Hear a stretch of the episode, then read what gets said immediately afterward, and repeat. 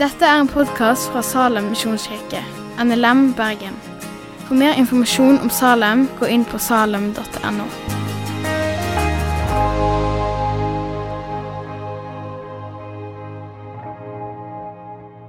Og så er vi jo i taleserien. Og Det kan jo være at det er en del som er på besøk. Hjertelig velkommen.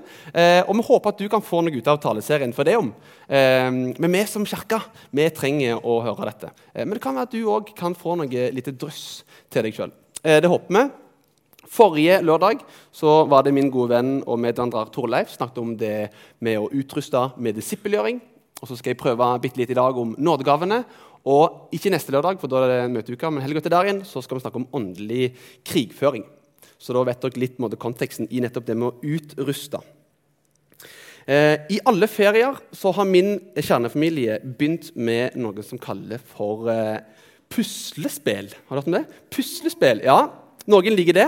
Jeg har ikke fatt og begripe at folk vil bruke tida si på noe så unyttig som det der. Og når vi skal liksom ha det sosialt og kjekt familietid, så sitter de der og må holde på med de greiene der og snur på ting og eh, sorterer ting. Og hver gang vi skal ha mat, så må vi rydde vekk. Og så kan vi ikke flytte tingene. og de blir lei seg. Og tenkte, hvorfor kan ikke folk bruke tid på noe fornuftig, sånn som jeg holder på med? Spille Fifa, se på TV, lese kanskje ei bok og sånne ting. Men nei.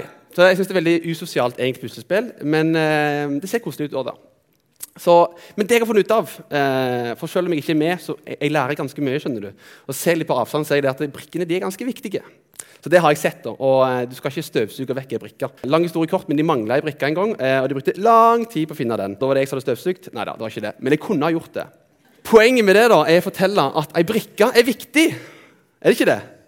Ja, Og sånn er det òg i Guds rike. Eh, det er utrolig mange brikker. Og bare her inne så finnes det mange brikker. Jeg vet ikke hvor mange her som tilhører Jesus, men uansett er det ganske mange brikker her inne som tilhører Jesus.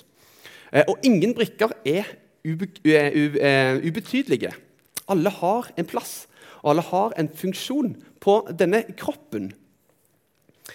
Fordi du og jeg vi er ulike kroppsdeler på Jesu kropp. Med forskjellige oppgaver som vi skal bruke for å bygge opp kroppen og for å gi Gud ære. Det vil jeg at du skal sitte igjen med i dag. At jeg og du, vi som tilhører Jesus, vi har ulike lemmer. Vi er ulike lemmer på Jesu kropp. Og skal vi bruke disse delene for å bygge opp kroppen, bygge opp menigheten, fellesskapet, og for å gi Gud ære. Og For at det ikke skal bli mine ord kun i dag, så skal vi gjøre det som vi liker i Salem, og ha dette som autoritet og som eh, grunnbasis i livet. Så vi skal lese en bibeltekst som er henta fra eh, Romerne, kapittel 12, vers 1-2.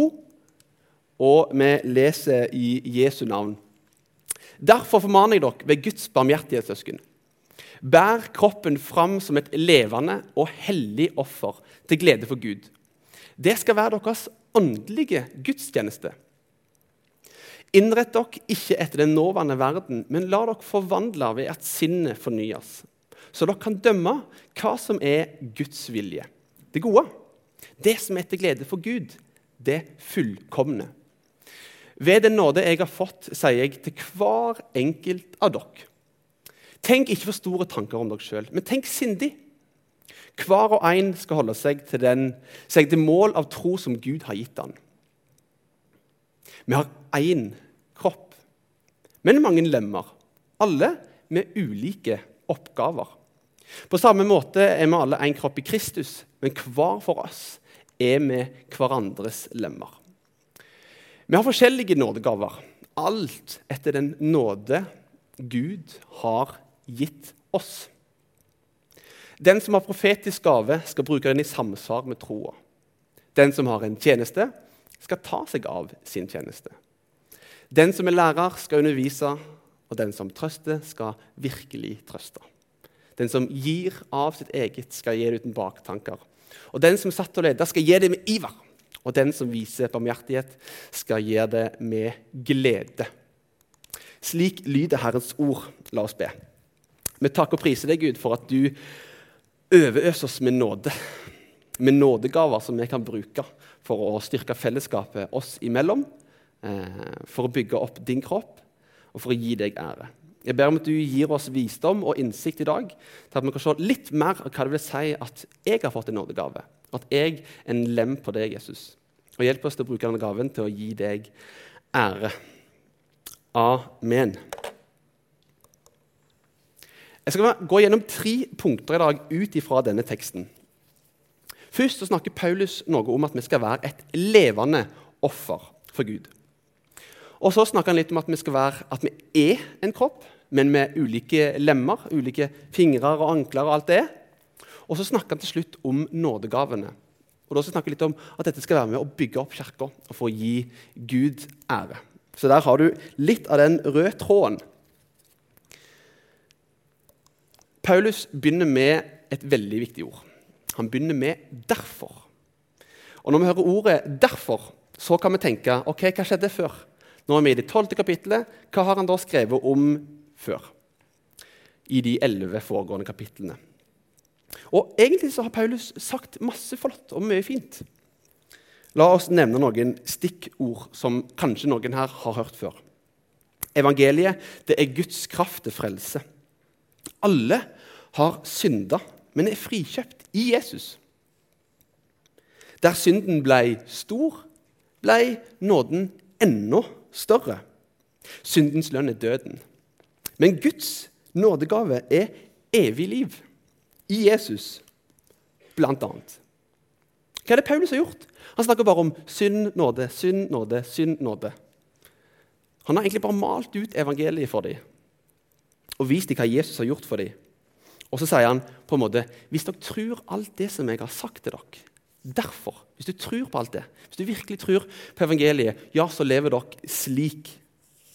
Og så sier han at vi skal bære fram kroppen som et levende og et hellig offer til glede for Gud. Og det skal være deres åndelige gudstjeneste. Jeg syns det var litt vanskelig dette med et levende offer. Eh, det kan være at jeg ikke er alene. Jeg håper egentlig det. Men jeg syns det var litt tricky. Eh, men det ble litt enklere for meg når jeg delte opp de begrepene. Hvis vi ser på levende hva vil si at noe er levende? Det, man, det finnes noen legestudenter og sykepleierstudenter her inne. Og når du skal sjekke, eh, nå er det mange som smiler. du er sykepleier. Eh, og når du skal sjekke om noen lever, så tar du pulsen. sant? Ah, det er puls. Hva er det som er puls? Jo, det skjer hele veien. Hvis det ikke er puls, er det dødt. Så er det noe som pulserer. Det skjer hele veien. Det er liv i det. Det er kontinuerlig. Så når Paulus snakker om et levende offer ja, sånn kontinuerlig offer levende kontinuerlig. Og så snakker vi om offer. Hva er et offer, da? Det handler om å gi noe av oss sjøl. Av og til snakker vi om kollekt, som Ingrid hadde i dag. snakker vi av og til om kollekt som et, ja, vi skal gi et offer. Vi gir noe av oss sjøl til Gud. I Det gamle testamentet, i første del av Bibelen, så er det ofte snakk om et blodig offer. Der han skal ofre blod, dyr, for oss soning for synd. Eh, for vi som har tjuvstarta i Bibelen og sett at Jesus kommer og gjør alt det, det er ikke det Paulus snakker om, at vi skal ofre for synd. For det har Jesus allerede gjort. Hans blod rant for alle. Hans blod rant for deg. Eh, så det handler ikke om det. Men det handler om takknemlighet.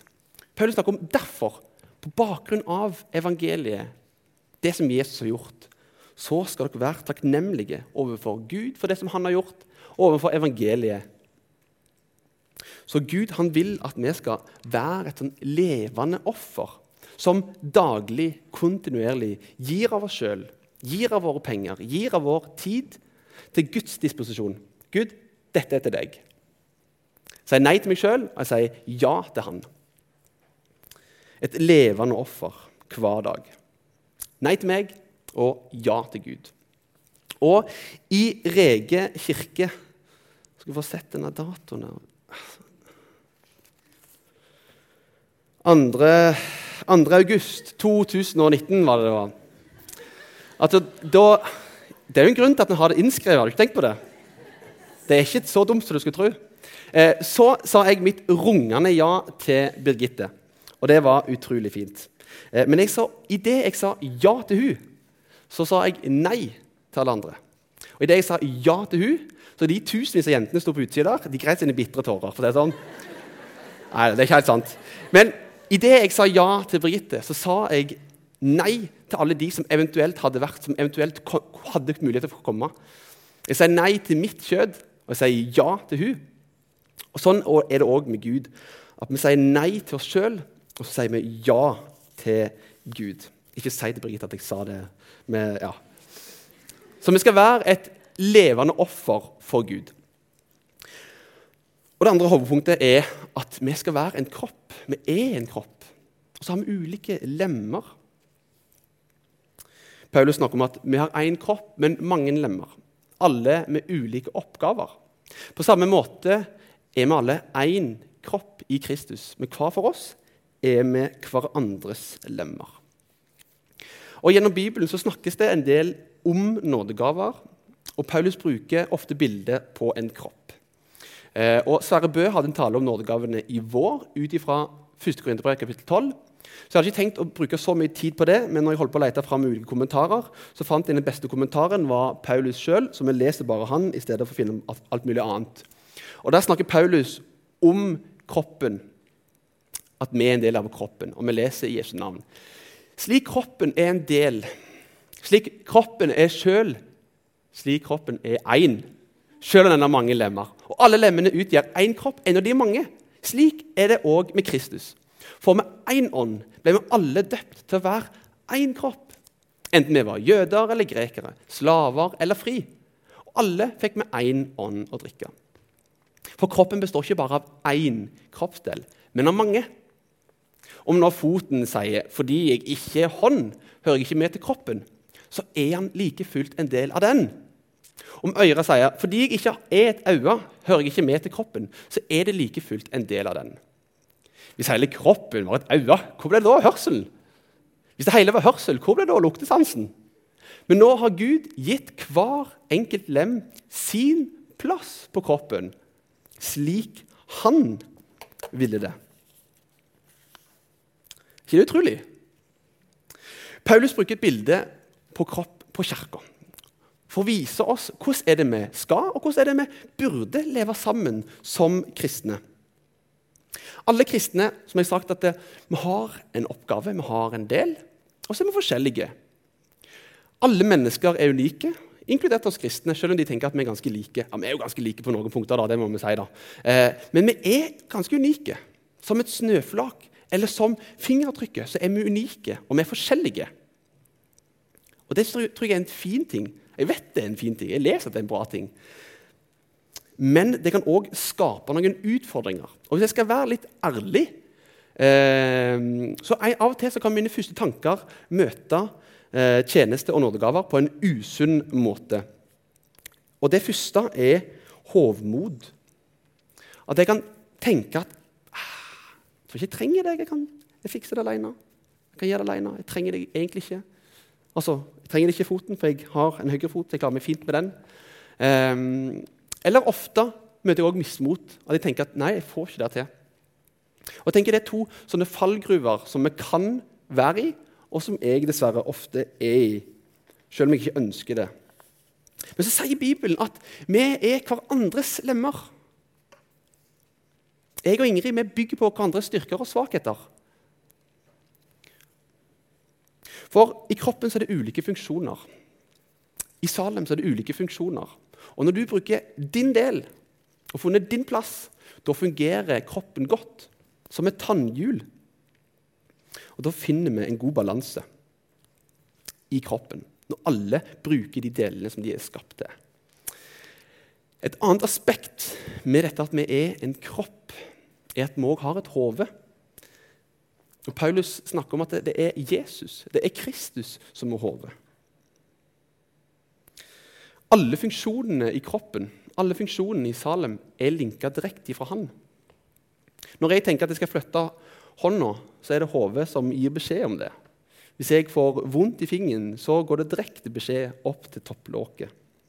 Vi er direkte kobla på han. Og Bibelen sier det at vi skal vokse opp til han som er hodet. Kristus. Han er hodet for kroppen, som er kirka. Og For å være i det bildet med kropp så er det nydelig når et øre skal få lov til å høre og ikke eksempel, snakke. Og få lov til å være det som øret er skapt til. Hvis dere skjønte det, det er ikke så enkelt for et øre å snakke. Øra er skapt til å lytte. Når jeg og Birgitte kom til Salem i høsten 2017, så eh, det var jo kjærligheten første blikk. Salem var fantastisk. Elsker det, elsker det fortsatt. Det er bare en sånn eh, romantisk eh, historie som bare aldri tar slutt. Eh, men så var det to lørdager der det ikke var kafé, så da eh, Det er det forresten i dag. Så nå kommer det. Eh, og da sa han det går ikke an, altså. Nå har jeg hatt to lørdager på rad uten isen min. hva er det som skjer? Eh, sa han du, det mangler masse folk i tjeneste, så du må bare melde deg. Hva vanskelig kan det være? da? Er ikke det bare å smekke sammen noen greier? Ja, det er bare så enkelt, sa han. Men det er ingen som vil. Så da ble jeg med i team. Jeg ble brownies-ekspert, for det var det minst viktige eh, å gjøre. To egg og noen greier. Eh, og så utover høsten så var jeg jo der eh, og gjorde det fordi jeg følte at jeg måtte. Det var jo en, eh, en kristen dyd å bidra. Og så hadde Kristian, vår tidligere pastor, hadde en tale om nådegaver. Jeg satt der bak. Der, er det en Husebø som sitter bak der? Ja. Uh, og Der uh, satt jeg, og så sier Kristian at uh, en eller annen ting om nådegaver. Veldig klokt som alltid. Og så tenkte jeg fy søren, jeg er jo et øre som må snakke. Jeg holder på å gjøre ting som ikke jeg er skapt til. Jeg står på kjøkkenet og gjør ting som jeg egentlig hater. Og så er jeg ikke god til det. Og så tenkte jeg ah, her går ikke an. Så jeg, gikk, jeg tror jeg snakket med Brite, hun får eh, si hvis jeg tar feil, og så meldte meg inn i vertskapstjenesten. Og tenkte, ah, Så deilig å få lov til å lytte og gi det som jeg er skapt til. Det er deilig når et øre får lov til å være et øre. Så Det var punkt nummer to. Eh, med én kropp med mange ulike lemmer. Og så det tredje og siste punktet, som går litt mer inn på dette med nådegaver hvor Paulus snakker om at vi har forskjellige nådegaver. Alt etter den nåde Gud har gitt oss. Og Så ramser han opp en del eh, eksempler på nådegaver. Eh, og det, det, det, er ikke alle nådegavene. Jeg kunne nesten skrevet sånn 'osv.' på slutten der. Og Jeg kunne sikkert brukt masse tid på å snakke om hver enkelt, og sånt, men det forblir en egen taleserie. for du kan ha en egen taleserie bare om det med å være barmhjertig. Så det får bli en annen gang. Men når en snakker om nådegaver, så snakker han ofte om naturgaver og nådegaver. Og Det kan være at det er en sånn vanskelig knivsegg å måtte skille imellom. Så Jeg skal ikke sette opp et tydelig skille, men jeg bare skal gi en sånn liten sånn, eh, pensel for dere. Pensel litt over. Naturgaver snakker han ofte om at Gud gir gaver av sin godhet og raushet til alle mennesker. Oss kristne, men òg andre. Snakk om ja, en person er begava, ja, han, han, er skikkelig flink til det. F.eks. å skru bil og bake. og sånt. Og det er ikke sånn at det å skru bil og bake ikke nødvendigvis kan gi Gud ære. Men når Gud gir oss nådegaver, så gir han de til kirka. Han gir de til oss kristne for at vi skal bygge opp denne menigheten. Bygge fellesskapet oss imellom. Og Det er ikke det at ikke det å skru bil kan være positivt, men Gud ga ikke nådegaven denne gaven til deg for at du skal bygge menigheten nødvendigvis. Men han har gitt oss nådegaver for at vi skal bygge opp og styre denne menigheten. Og når Gud gir ut sine gaver, så gjør han det av sin nåde, slik han ser det best. Når han ser på ulike personer, når han ser på deg, så tenker han at ah, gi den gaven til den personen. For den passer kanskje godt med naturgaven eller passer godt med personlighet. Og så gir han det ut ifra sin autoritet og sin nåde. Og Jeg vet ikke hvor lenge du har vært i Bergen og i Salem. Eh, men det kan jo være at noen tenker at Salem er en plass der det er masse forvillinger. Det bare florerer. og Det er, liksom, det er ventelister på alt mulig. Det er ventelister på å rydde etter gudstjenesten. Liksom. Det, det, stemmer faktisk ikke. Eh, det er ikke sånn at det er fullt i alle plasser. På ingen slags måte. Jeg kunne sikkert stått her og nevnt fire-fem mellomledere fire-fem tjenestegrupper eh, hvor begrepet 'blør' i tjenesten er et begrep som brukt. Fordi det oppleves som det blør, fordi det krever mye. Prøv å spørre 14 stykker om å spille piano en lørdag, og så får du ikke det til før timen før. Det koster. Det krever mye. Eh, så det kan være det oppleves som å blø. Og Vi kunne ha stått her og hatt en egen taleserie eller informasjonsserie som er like lang som første Korinterbrev-taleserien vår i år, om bare om hvor det mangler folk i tjeneste. For det mangler folk overalt. Nå er vi ærlige med dere. sant? Eh, og det er realiteten. Men vi tenker ikke nødvendigvis at vi skal bruke gudstjenesten vår på å fortelle hvor det er mangler. og ikke sånt. Vi vil gi dere Jesus. Vi vil gi dere et møte med Gud, og derfor bruker vi tid på det. Klart, Noe informasjon må jo til. For det som skjedde nå. Kjekt, bra, bygge fellesskapet. Love it. Men når det kommer til frivillighet, så vil det alltid være behov. Så lenge jeg har jobbet i Salem, så har det alltid vært mangler i alle tjenester. Og det tror jeg det kommer til å være fortsatt. At det vil alltid være et behov. Så det vil alltid være plass til deg, alltid være rom for deg. Jeg tenker at Hvis vi har ti trommiser, ja, vi kjører de på rekke og rad. Handler inn og fyrer dem opp. Det skal alltid være plass til folk som bruker sin nådegave. Det skal ikke være ventelister hos oss. Og Da har min erkjennelse blitt at vi må bygge menigheten vår med de spillerne vi har. Vi må spille med de vi har. Jeg var høyreback. For de som kan fotball, så betyr det at der er den dårlige spilleren. spiller alltid høyreback eller venstreback. Men når du bare er elleve spillere, da, så må du nesten spille med den spilleren du har. for ikke du taper du walkover. Så da ble jeg høyreback. Det var bare et banalt eksempel, men uh, det er casen. Og så kan det være at vi føler at ting rakner når det mangler folk i tjeneste. Det var en lørdag hvor det ikke var forbønn, f.eks. For og så føler vi at det rakner. Og så kan, kan vi få litt sånn skyla på ah, ting rakner. Men så sier Guds ord at vi mangler ingen nådegaver mens vi venter på at Jesus kommer tilbake igjen. Nei, ja, men Hadde Gud skrevet det i dag, så hadde han jo skrevet at det mangler noen i Salem. Nei, han hadde ikke det. Jeg tenker det at Min mening er at hvis Gud sier i sitt ord at vi ikke mangler noen nådegaver, ja, så er det sånn. Men hva vil det da si hvis vi mangler noen i tjeneste? da? Ja, Da tror jeg de kanskje sitter her. da. Kanskje de er ikke aktivisert ennå. For vi vet at en del nådegaver er i aktivitet i dag. Det har vi sett i lovsangstime og i møteledelse og i vertskap og teknikk. Det har vi sett. Men det kan være det finnes og sitter noen her som har fått en gave som har ramla i fanget på deg fra Gud, som ikke du har brukt til å bygge fellesskapet. Så det er alltid plass her. Og Gud sier at vi ikke mangler noen nådegaver. Men det kan være at du ikke har brukt dem ennå. Og så er det et annet aspekt med det eh, med nådegaven at vi skal gi Gud ære. Jeg skal ikke bruke så mye tid på det, men jeg vil bare si det at Bibelen sier at vi skal tjene hverandre. Hver og en med den nådegave som han eller hun har fått. Som gode forvaltere av Guds mangfoldige nåde. Slik skal Gud i ett og alt bli æra, sier Peter. Jeg aner ikke hvor lang tid jeg har brukt, men jeg vil bruke de siste minuttene på å si litt om hvordan kan du finne din nådegave. Kanskje har du funnet din nådegave. Supert. Kanskje du er usikker. Eller kanskje du bare kan få en bekreftelse på at du er på rett plass. For kroppen er bygd på sånn måte at det er bra for oss å være påkobla. Problemet er når vi ikke vet hvor vi skal være kobla på. Problemet er vel ofte at vi ikke vet hvor vi skal begynne. Og det er ikke rart at Paulus begynner sin undervisning med at han vil at vi skal ha kunnskap om de. Så det vi prøver litt på nå, at du skal få kunnskap om nådegavene. Men du må dykke ned i Bibelen og så må du lese mer om nådegavene. Og så har jeg sjekka på VG+, men det finnes ingen 14 ukers treningsplan for å finne dine nådegaver. Eh, det kan være det kommer en etter denne talen, her, men enn så lenge så finnes det ingen. Men det finnes en sånn fempunktsliste som jeg har erfart eget liv. Og Det første er Finn ut av hva gaver som finnes i menigheten fra før. Finn ut av hva nådegaver som er i bruk. Og så kanskje finne ut av hva som ikke er i bruk. Lese i Bibelen, hva står det i Bibelen om det. Og så finne ut av hva er du er motivert for. Hva liker du å holde på med? Hva får du energi av å gjøre? Og så kan du kanskje spørre noen i smågruppa di eller vennene dine om hvordan syns du syns jeg er på rett plass. Syns du jeg passer til dette? Eh, ja eller nei? Og så kan du hoppe i det og prøve. Vi sier i Salem at du, du gifter deg med en tjeneste. Det vil si at du kan prøve i noen uker, og så kan du komme tilbake og si «Ah, jeg følte ikke jeg var på min plass. Gøy! Kult! Du prøvde. Kanskje vi skal prøve noe annet.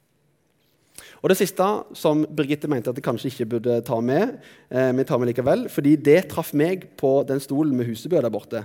Og Det var at det som du kritiserer hos andre, altså det du tenker ikke nødvendigvis kunne gjort bedre, men mer sånn ah, Det kan være jeg kunne fått til noe lignende sjøl. Og Kanskje akkurat det kan være en indikator på at det er noe du er utrusta til. Jeg får aldri en sånn når eh, lovsangsteamet synger. Aldri. Uh, selv om jeg syns det ser kult ut, og sånt, men jeg har aldri kjent på denne følelsen at jeg kunne gjort bedre. Men jeg syns det er fantastisk å sitte der nede og bare ta del av det. Og så kan det være det er noen her inne som føler at de er på feil plass. Jeg vil oppfordre deg til å snakke med din nærmeste leder. Snakk med den personen om du, jeg føler jeg på feil plass. Kanskje prøve en annen tjeneste. Eller snakk med meg. Og så skal jeg bare si en liten sånn sidekommentar på at det kan være Eller jeg tenker at det finnes to veier inn til tjeneste. Den ene måten er at du kommer med din nådegave, som du er litt eller veldig bevisst på at dette er for Gud. Vær så god, eh, kan du bruke det? Og Noen har liksom 40, eh, og noen har 1, og det er like bra begge deler. Og Den andre er mer sånn at du ser et behov, og så hopper du inn i det, og så opplever du at du blir utrusta til det. Så Enten så har du gaven og kommer og gir det til menigheten, vil du bruke det, eller så kommer du inn og så ser du et behov, og så er du med å oppfylle behovet, og så kan du oppleve at Gud utruster deg til det. Og Det å være engasjert i en menighet er fantastisk. Når du ser folk som er på rett plass, så er det fantastisk. Og Jeg skal ikke begynne å nevne navn, men jeg kjenner noen i salen som jeg vet er på rett plass. Og det er fantastisk å stå og se på. Og Det å ha en tjeneste på rett plass det er òg en god mulighet for deg. Fordi når du skal være i tjeneste, så må du ha noe å gi. Hvis du skal ha noe å gi, så må du ha noe, du ha noe på innsida. Så du må stadig komme tilbake til Jesus og ha noe å gi. Om det er i lovsangsteam, eller om det er i møteledelse eller i vertskap. Vi møter alle med Jesus, og må være fylt med Jesus først. Så det er en unik mulighet for å komme til Jesus og få påfyll. Og Da trenger vi stadig å komme tilbake til Jesus. Og Det er det Paulus også gjorde når han begynte denne teksten som vi begynte med i dag. Så sier han derfor, på bakgrunn av alt dette Så sier han se på Guds barmhjertighet, se på Guds nåde og alt som det som han har gjort for dere, først, og så bær kroppen fram. Og Det som de har hørt eller lest i de tolv kapitlene om evangeliet, det sier at du og jeg vi er syndere som fortjener å være fortapt. Og Hvis det hadde vært en hund, så hadde du fått en sånn halen gjennom beina. Så sånn ydmyk, og du måtte klynke det kanskje ned. Sånn er iallfall jeg når jeg hører at jeg er en synder. Og Så sier evangeliet at jeg er fullstendig elska av Jesus. Og Da blir jeg ikke en oppblåst tulling, men jeg blir løfta opp på en sunn og en god måte. Ja, jeg har ingenting å være sånn skikkelig sånn stolt av i livet, men jeg er kry av Jesus. Det skaper evangeliet i oss. At vi ikke får for store tanker om oss sjøl, men en sunn holdning og en sunn identitet i oss. Og Så sier Paulus på bakgrunn av dette, det sunne forholdet til evangeliet, så skal vi være et levende offer for Gud. Daglig gi av oss sjøl til Gud. Og så skal vi lov til å se at vi er et lem på denne kroppen. Og Gud ved sin nåde har gitt meg den gaven som han tenker er best for meg og for den menigheten som jeg går i. Jesus sier at jeg skal bygge mye kirke, men vi skal få lov til å være med. Stå på sida og hamre på sida av Jesus. Og mens vi er det, så skal vi ære Jesus i det vi holder på med. Og bare gi han ære for alt det. Vi skal ære han vår utrustning, og vi skal ære han med våre nådegaver. Fordi du og jeg, vi er ulike kroppsdeler på Jesu kropp. Med ulike funksjoner som vi skal bruke for å bygge opp kirka og for å gi Gud ære. La oss be. Vi takker deg, Jesus, for, for at du bor i oss. Jeg takker deg for evangeliet. At vi skal, alt som vi står i Bibelen som vi skal gjøre eller burde gjøre, ja, det er på bakgrunn av evangeliet. Det er ikke noe lovisk som vi skal for å fortjene noe, men ut av takknemlighet. Herre, jeg ber om at du fyller oss med en takknemlighet overfor det. Takknemlighet overfor deg, overfor evangeliet og for de som vi møter. At Når folk møter oss, så møter de personer som er takknemlige overfor Gud.